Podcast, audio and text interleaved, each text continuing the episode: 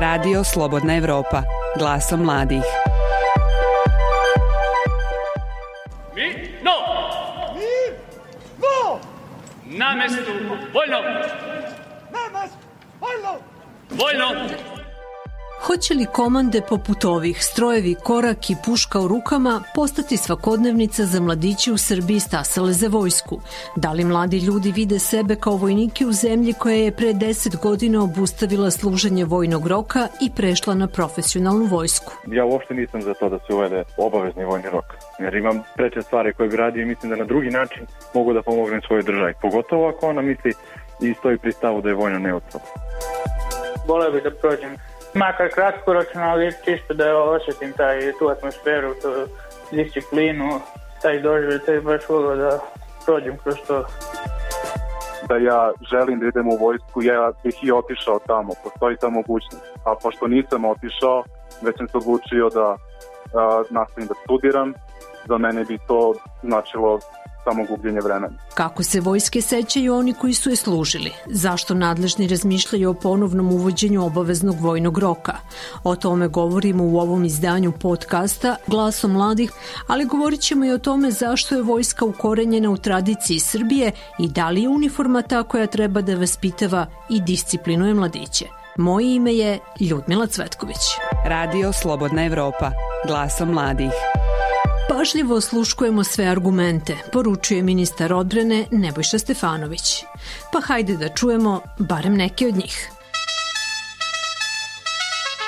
Ustaj vojsko! Mislim, mi kao država koja propagira vojnu neutralnost, ne treba da, da obučavamo svoje ljude. Island je vojno neutralna država koja nema svoju vojsku, nema stajaću vojsku. Oni obrazuju mlade ljude da, da uče programiranje, da uče biznis marketing. Pritom ni sve naručbine koje smo dobili, ni e, avione, ruske migove i to, ne znam, ne znam bilo kakvu potrebu za tim, ako smo mi vojno neutralna država.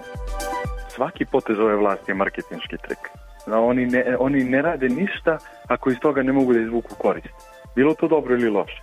Tako da ja mislim da je ovo samo čista igranka da bi vojska dobila na značaju Niko ne razmišlja o tome. Ljudi hoće da završavaju fakultete, budu advokati, biznismeni, sudije, tužioci, niko ne želi da stopira sve to na šest meseci do godinu dana. I dok 23-godišnji Nikola Vukić iz Kragujevca, student pravnog fakulteta u Beogradu, misli da odlazak u vojsku treba da bude dobrovoljan, njegov imenjak, 30-godišnji Nikola Zečević, absolvent na ekonomskom fakultetu u Kragujevcu, bi pak radu nastavio porodičnu tradiciju služenja vojnog roka poput oca i dede. Država ne može da postoji bez vojske, bez služenja niti muškarac ne može da postane na neki način muškarac dok ne osuči vojni rok, to je nekako sastavni deo života, tako ja to posmatram.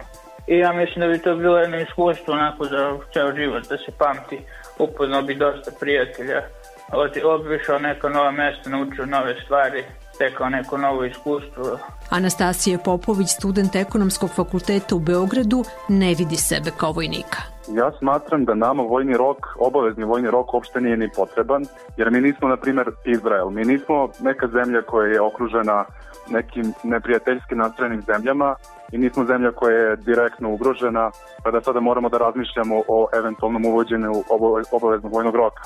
Mi smo zemlja koja je okružena NATO članicama. Ako uopšte postoji neka šansa za ratovanjem, mislim da je mnogo bolje preusmeriti financije na modernizaciju tehnike i na oružanja, nego na trošenje para na obavezni vojni rok koji iziskuje mnogo novca. Evo, na primjer, ja sam student druge godine na ekonomskom fakultetu i posvećen sam studiranju imam cilj da završim osnovne studije u roku, nakon toga i master studije i da u što kraćem roku nađem posao. Mislim da bi uh, eventualnim odlaskom u vojsku na 6 meseci, 9 meseci ili godinu dana za mene bilo samo gubljenje nekog kontinuiteta učenja i gubljenje vremena, jer smatram da tamo ne bi naučio ništa toliko korisno i da se ne bih ni osjećao nešto najprijatnije. Natalija Paunović, studentkinja Fakulteta političkih nauka u Beogradu, ima brata na koga bi se moglo odnositi eventualno uvođenje obaveznog vojnog roka. Evo kako ona razmišlja o ovoj mogućnosti. Neki moj stav o tome da jeste vojni rok potreban, to je uvođenje obaveznog vojnog roka, međutim da li je to u ovom trenutku neophodno, pa mislim da nije toliko vojsku, mislim da je našoj vojsci malo potrebnije da se uvedu određene inovacije, da se možda utiče na tu profesionalnu vojsku i na njoj da se radi, da se nastavi sa tim naoružavanjem. To što ministarstvo još uvek, na primjer, nije napravilo kalkulacije koliko je novca potrebno da se sve to izvede, liči da je to neki blic efekt samo da bi se postigli jako brzi rezultati, što mislim da nije dobro. Možda je potrebnije uticati u ovom trenutku na tu profesionalnu vojsku u tom smislu inovacija, a sa druge strane sprovoditi neku politiku koja će našem narodu zaista pokazati koliko je vojska kao takva važna i koliko je bitno ovaj, biti deo vojske i služiti to vojsku, da to zaista predstavlja neku čast. Najave o mogućem uvođenju obaveznog vojnog roka prate istraživanja koja pokazuju da većina ispitanika podržava tako nešto. Tako prema istraživanju stavovi građana o bezbednosti koje je Beogradski centar za bezbednostnu politiku predstavio u novembru oko 73% ispitanika smatra da je potrebno vratiti vojni rok. Međutim, kada su bili upitani koji su razlogi za vraćanje, oni su u velikoj većini naveli da je vojni rok potrebno vratiti kako bi se mladi disciplinovali i kako bi se održala nekakva tradicija. To m, govori o tome da građani obavezu služenja vojnog roka i opšte vojsku ne posmatraju kao aparat za odbranu zemlje i kao nekakav odgovor na bezbjednostne prijetnje koje možda trenutna profesionalna vojska na koje ne može da odgovori, već više posmatraju vojsku kao neku vrstu vaspitne ustanove u društvu, kao što je verovatno i nasledđe iz prošlosti, gdje posmatraju i to služenje vojnog roka i, i samu vojsku kao neku vrstu životne škole. Marija Ignjatijević, istraživačica Beogradskog centra za bezbednostnu politiku, takođe ukazuje na još jedan bitan detalj iz istraživanja. U 21. veku vrlo je upitno kako bi zainteresovanost građana bila u praksi. Naše istraživanje je pokazalo da e, je zapravo veliki broj tih ispitanika koji podržavaju vraćanje vojnog roka spada u starije starostne kategorije, dakle one, one koji ne bi bili zapravo obuhvaćeni odlukom i onda se postoje pitanje da li bi se taj entuzijazam i zainteresovanost zaista održao i u praksi. Pre svega u kontekstu um, odsustva sa tržišta rada i sa posla iz obrazovnog sistema neki određeni period kako bi služili vojni rok. Postoje se pitanje da li je ta odluka isplativa. O svemu tome se vaga, poručuju zvaničnici.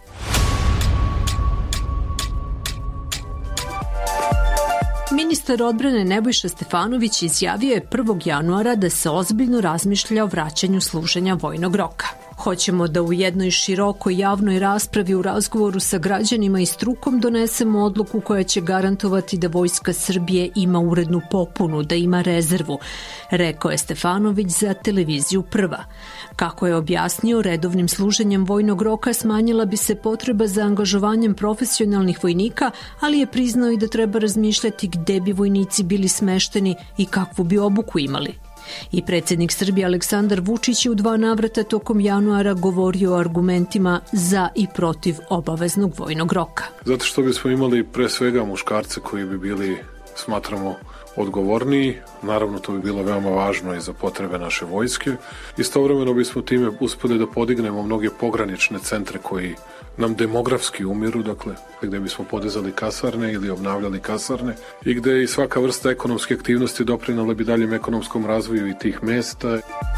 Neki od loših strana su što to samo u objektima i obezbeđivanju hrane košta preko 8 milijardi, računajte 70 miliona evra, pa na to ukoliko budete obezbeđivali primanja za vojnike, ako je 20.000, onda je to još 1,2 milijarde, ako date 30.000 dinara, onda je to 1,8 1,9 milijardi i tako dalje. Otkrio je i da vojni rok, ukoliko ga bude bilo, ne bi trajao godinu dana kao ranije, već 4, 5 ili 6 meseci. 002, Džomba sam ja, 333, Gušter si ti. Hoće li se kao nekad brojati vojnički dani? U kojoj je fazi razmatranja o eventualnom vraćanju obaveznog slušanja vojnog roka i koji su argumenti za vraćanje ove obaveze koje razmatra Ministarstvo odbrane, pitanja su na koja smo zatražili odgovor od ovog ministarstva, ali ih nismo i dobili.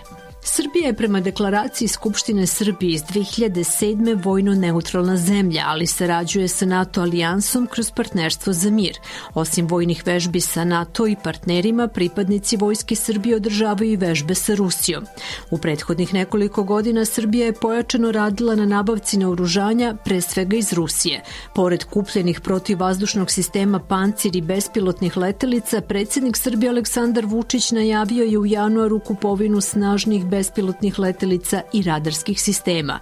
On je ranije rekao da se Srbija naoružava, ali da to ne radi da bi napala bilo koga. Naoružavamo se kako bismo odvratili svakoga ko pomisli da izvrši agresiju na nas, poručio je Vučić.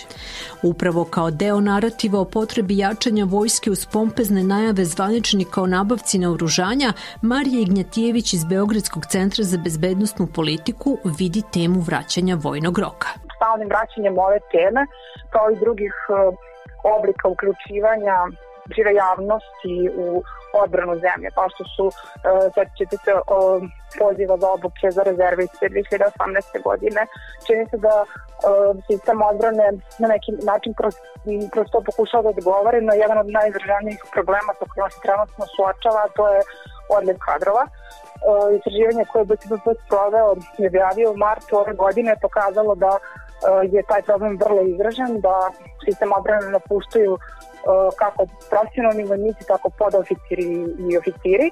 I čini se da bi bilo mnogo efikasnije da se unaprede određeni aspekti profesionalizacije vojske koje nikada nisu zaživeli ili nisu u dovoljnoj meri zaživeli i da bi možda bilo isplativije da se uloži u profesionalce koji su već sada u sistemu kako bi se oni motivisali da ostanu, nego da se njihov odlazak nadomesti ove regrutima na služenju vojnog roka koji svakako ne bi mogli da nadomeste profesionalce koji odlaze.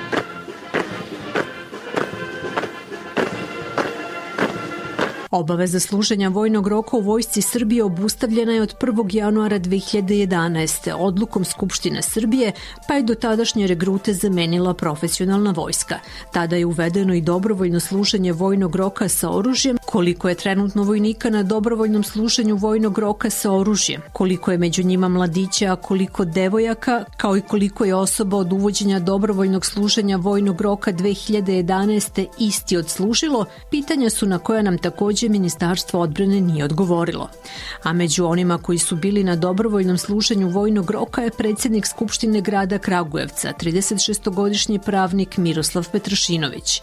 On je u maju 2019. u kasarni u Valjevu prošao prvi deo pešadijske obuke od tri nedelje, a drugi deo za njegov rod Nišanđiju na topu Haubica, koji je trebalo da bude u martu 2020. odložen je zbog pandemije koronavirusa. Dobili smo svoje lično naoružanje tamo i prošli taj deo pešadijske obuke vezano za gađenje, održavanje ličnog naoružanja, čišćenje, njegovu upotrebu, gađenje u noćnim uslovima, gađenje u otežanim uslovima sa gas maskom i tako dalje, marš. Meni je samo bilo šao što ta obuka nije trebala duže. Mislim da ipak za 21 dan ne možete da, da, da stignete sve. Pa, pazite, meni je to sve bilo jako, jako interesantno i generalno na to nisam gledao kao, kao na nešto pretjerano teško. Jedino što je teško što ste odvojeni od porodice. Je li bilo nekog isprecaja? Pa ne, ovaj, pošto je to ipak to kraj, ipak je to, mislim, tri nedelje. Imali smo slobodne, slobodne vikende kada smo mogli da dođemo, da dođemo kući. Ispričao nam je i kako se odlučio na dobrovoljno služenje vojnog roka. Kada sam je donao odluku, čuo sam da postoji ideja da jednostavno starije lice koje nisu prošla vojnu obuku, odnosno nisu služila vojsku, da, da prođu kroz, kroz ovaj vojnu vežbu. I onda sam jednog jutra tada vidio na ujutranjem programu gostove ministar Vulin koji je rekao da kada bude obavio sva potrebna medicinske ispitivanje, javit će se ujutru u jedinicu. Evo, onda sam ja kad sam došao na poslo kontaktirao odgovorno lice ovde u našem uh, regionalnom centru, centru za obuku, rekao da bi se ja isto prijavio. Jednostavno sam hteo da da prođem i ja kroz to. Dok sam bio na studijama, gledate da vas to ne odvoje od fakulteta. Počeo sam i rano da se bavim nekim omladinskim političkim aktivizmom u okviru Srpske napredne stranke. I otac mi je služio vojsku i deda, pradeda je bio solunac i nekako bi se, sam i ja želeo da makar osetim jedan delić, jedan delić toga te, te, te neke vojničke ovaj, uređenosti i vojničkog načina života. Kada uzmete u obzir da ima među mlađom populacijom i dosta nasilja i problema s autoritetima u, u naročito u srednjim školama. Mislim da vojska može, što bi rekli stari, da, da, da, napravi, čo, da napravi od vojnika od, od onog polaznika čoveka i da ga, i da ga uvede u red. Današnji regruti na dobrovoljnom slušanju vojnog roka osete deo nekadašnjeg vojničkog života i atmosfere, a neki od naših sagovornika služili su vojsku u izrazito turbulentnim vremenima. U Kragujevcu smo razgovarali sa porodicom Zečević iz mesta Brnjice, čijeg smo najmlađeg člana čuli na početku, a sa namerom da saznamo kako različite generacije doživljavaju vojsku. 92-godišnji Mileta i njegov 60-godišnji sin Panto služili su nekadašnju JNA. Mileta je kao pešadinac proveo na odsluženju vojnog roka dve godine, a u vojsku je sa 27 godina otišao 1956. kada je susednu Mađarsku okupirala sovjetska vojska. Nije mi bilo lako. Obišao sam celu Hrvatsku Tri puta po dva dana maršu. Pa sam bio mesec dana kad su Rusi upali u, Ma u Mađarsku i ležao u rovu mesec dana na samoj granici ako pođu na nas da se mi borimo. To bi mi izginuli, nego srećom mi nisi ni pošli. Pišovi moji mene dođi, ne znam, ženi se ovaj, ženi se onaj. Mislim da im napišem ako pođu na nas jer neću živ ni doći. Eto taka je moja vojska bila teška i posle su me namučili po vežbama i Hvala Bogu, sam me ne, ne može ni zovu sto godina ne može. Ne misli da bi danas slušanje vojnog roka mnogo koristilo mladim ljudima poput njegovog unuka Nikole. Miletin sin Panto služio je vojni rok 1980. i 81. na Palama kod Sarajeva, a prethodno je završio pešadijsku obuku u Brčkom. Vojni rok u JNA tada je trajao 15 meseci. Nije bilo loše, imamo i ovakvih neki dana, ali pretežno nije bilo loše vojnička pravila, disciplina, jutarnje smotre, noćne uzbune, marševi, obuka. Da, bilo je svega, ali za mene to ništa nije predstavljeno teško. Znaš, šeljačko dete, naviko na rad. Ja sam voleo disciplinu. Koštalo je državu i sve. Ima malo znanja tu. Radne navike, to, to što su ostala, inače ovo drugo sve mi ovo uzao. Gubljenje vremena su meni. Čak svoj posao neka radi. Deca nek uče školu, nek se bore, šta će u vojsku i da uči to bolje profesionalno koji radi da imaju plate i završena priča. Međutim, nasuprot utiscima dede i oca, Nikola bi, kao što smo čuli, rado da iskusi vojničke dane. I to bi mi na neki način dosta i pomoglo u karijeri, tako da naučio bi te stvari u vezi discipline, u vezi mislim da se dosta stvari može naučiti u vojsci, tako da slušajući te priče od oca, od dede, dosta prijateljstva se sklopi do, koje ostaje posle ceo život, dosta novih iskustava, tako da bi to stvarno pomoglo uopšte čoveku u daljem napredovanju. Na levo, na desno, na mesto voljno, mirno, Vajar i vanredni profesor na Akademiji umetnosti u Novom Sadu Nikola Macura otišao je u vojsku 1998. u vreme rata na Kosovu koji je okončan naredne godine NATO intervencijom na tadašnju SR Jugoslaviju i ulaskom međunarodnih snaga na Kosovo. Otišao je u vojsku odmah posle srednje škole sa 19 godina. Moje iskustvo iz vojske uh, razna.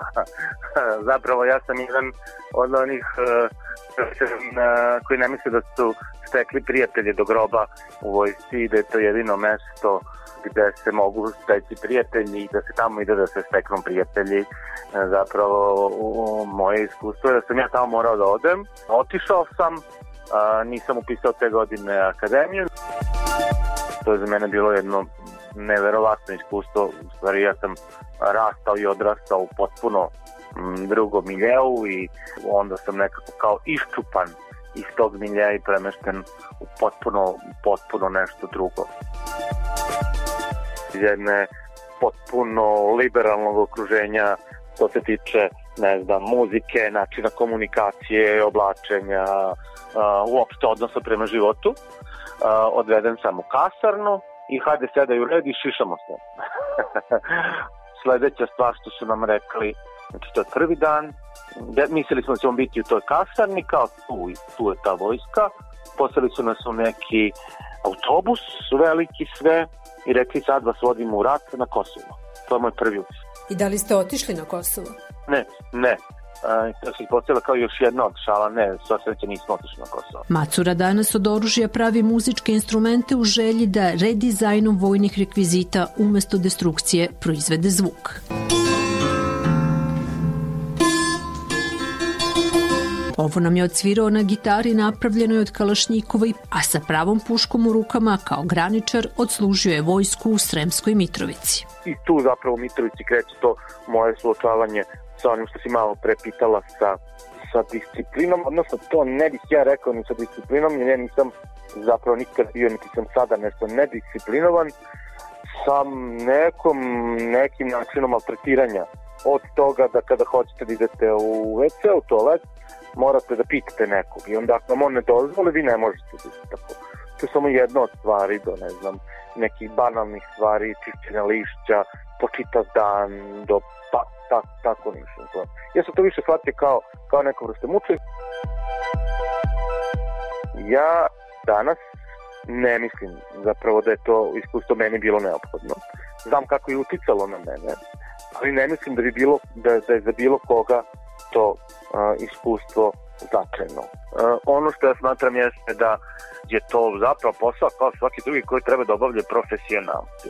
Iz buke u zvuk je light motiv Macurine zvučne instalacije, a evo kako on gleda na zamisao da se oružje ponovo nađe u rukama mladića na obuci tokom vojnog roka. Vraćanje vojnog roka i ja bih rekao slobodno manipulacija sa tim da li će se vojni rok vratiti ili ne, da li se to na koji način isplati državi ili ne, da li je to potrebno državi ili ne, je po meni spin kao i, i mnogi drugi spinovi. To je samo jedna od stavki da nas e, se opomene da mi ne živim, iako živimo u miru, da postoji mogućnost nekog rata i da za neki, sa nekim opet zaratimo i da nas se stalno podsjeća da mi imamo neprijatelje, a ne komšije i da bi zato trebali da budemo spremni od njih.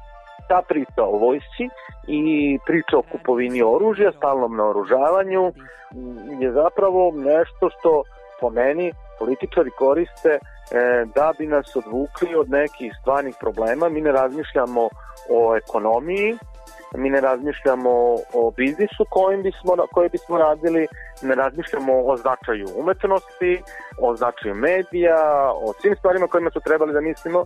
Mi razmišljamo o tome da li ćemo se nekim zaratiti sutra ili ne. Od oktobra 2003. uvedena je mogućnost da se vojni rok služi u vojsci Srbije sa oružjem ili bez oružja i to na šest meseci ili civilnom službom u trajanju od devet meseci. Za civilnu službu regruti su morali da izjave prigovor savesti na služenje vojnog roka sa oružjem, a onda su upućivani u ustanove koje se bave delatnošću od opšteg interesa i finansiraju iz budžeta. Jedan od onih koji su služili civilno vojsku bio je i Vuk iz Beograda. Pored toga što Naravno, ja nisam neki ljubitelj oružja i u principu sam pacifista. Moj glavni razlog je ipak bio da mogu da nađem neko mesto da odradim to služenje u popodnevnim časovima kako bi zadržao svoj posao. Koliko bi šao u vojsku, pitanje da li bi zadržao ovaj svoje radno mesto. Tako da sam ja, ja sam na kolarcu ovaj odradio to, to civilno služenje i e, prosto mogao sam pre koncerata recimo da, da dođem tipa sat, dva i da budem do kraja i da prepodne mogu da radim svoj posao. Pa mi, e, bili smo razvodnici, znači mi smo bili na ulazu da ovaj, cepkamo karte i me, meni evo i sad u ovom trenutku kad pomislim neko ko, ko ovaj, e, e, pošto je samostalan, ko mora da zaradi da bi otplatio režije, da bi e, prosto država mislim da nema odgovor na to kad, kad je neko u radovnoj vojsci ka, kako da, da svoje račune podmiri za taj period. Ali s druge strane nemam ništa protiv kad bi postojao neki model da tipa se neki kratak kurs obavi da li vikendom, da li popodne gde bi momci naučili nešto iz tog domena mislim da to ne bi bilo loše, ali da se ide kao po starom šest ili devet meseci da non stop, mislim da to, da je to dosta opterećujuće. Prelaskom na dobrovoljni vojni rok promenjena je tradicija vojne obaveze koja u Srbiji u različitim oblicima postoji već gotovo dva veka. Mnogi koji su vojsku služili u vreme bivše SFRJ iz vojničkih dana nosu upečatljiv detalj, tetovažu JNA na ruci i datum služenja roka. Danas se tradicionalno slave 18. rođendani, a nekada su se momcima pravili ispraćaj u vojsku i najviše su ličili na svadbe. Nikola Macura je imao i to iskustvo. Neko iskustvo koje ja nisam tražio u najmanju ruku. To je jako bilo bitno mojim roditeljima, jer znate kako se sin ispraća u vojsku. To je stvarno bila mini svadba od nekoliko stotina ljudi. Sećam se da su svi bili jako srećni zbog toga što je odlazim u vojsku, mada realno ne vidim zašto. Naravno, majka je, majka je plakala, muškarci su se veselili. Majka plače, ocu suze liju, svog jedinca prate u armiju. Odlazak u vojsku je e, služio kao neka vrsta obreda prelaza iz jedne društvene grupe, dakle iz jeli, životne faze deteta u odraslu životnu fazu. Kao i svaki ritual, u njemu je prirodno učestvovala ta šira zajednica. U tradicionalnim društvima život je obeležen takvim ritualima praktično ide se od jednog rituala do drugog. Smatralo se recimo da kada se mladić vrati iz vojske, može da se sprema za ženitbu, što je opet nov ritual. Ovako sociolog Dario Hajrić objašnjava ritual odlaska u vojsku koji je praktikovan decenijama pre 90. godina i početka ratova na Balkanu. Pojasnio je i kakvo mesto vojska zauzima u tradiciji Srbije. Vojska i služenje vojnog roka u Srbiji a, možemo reći da imaju protivrečan karakter. S jedne strane, naša istorija je obeležena tim brojnim ratovima u, u svim a, periodima i a, postoji taj a, jak kult heroizma, velikih generala, bitaka, u njima se uči u školama i tako dalje. Tu je onda taj period Jugoslavije u kojoj je narodno oslobodilačka borba sa, sa pravom igrala izuzetno važnu simboličku ulogu kao taj uh, ujedinjujući narativ naroda i narodnosti. A onda s druge strane, vojska je obeležena ratovima 90 i prinudnim mobilizacijama, zločinima, progonima, ratnim zločinima i tako dalje. I sad jedno i drugo sećanje su vrlo živi i zato je tema vojske jedna od onih temeljnih tačaka sporenja u javnom govoru. A kako da razumemo uvrženo mišljenje u delu javnosti da je vojska ta koja, ako ne vaspitava, onda disciplinuje.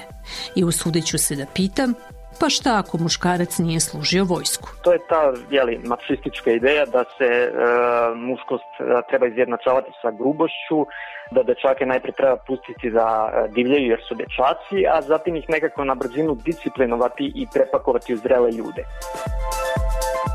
A vojska vas driluje da slušate naredbe Ako je naredba da se stoji mirno, onda se stoji mirno. Ako je naredba pobiti stotinu za jednog, pobići se stotinu za jednog. A to što predsjednik priželjkuje vojsku je, rekao bih, prirodan pored svakog autokrate da se pred njim stoji mirno. I dok vlasti u Srbiji razmatraju vraćanje obaveznog vojnog roka, zemlje u regionu nemaju obavezno služenje vojske. Crna Gora je 2006. ukinula obavezno slušanje i donela odluku o profesionalizaciji vojske. U Hrvatskoj je obaveza služenja vojnog roka ukinuta 2008.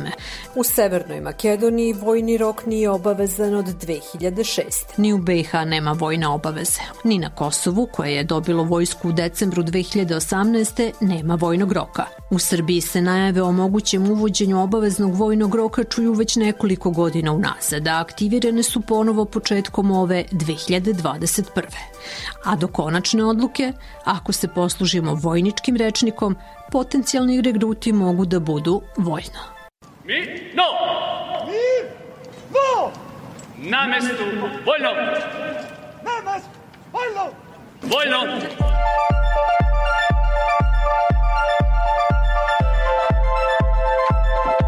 Radio Slobodna Evropa, glasom mladih. Podcast Glasom mladih pripremili su Ljudmila Cvetković i Branko Vučković. Za montažu je bio zadužen Nenad Branković. Slušajte nas na Spotify-u, Google podcastima, iTunesu, kao i na našem sajtu i platformi Podcast RS.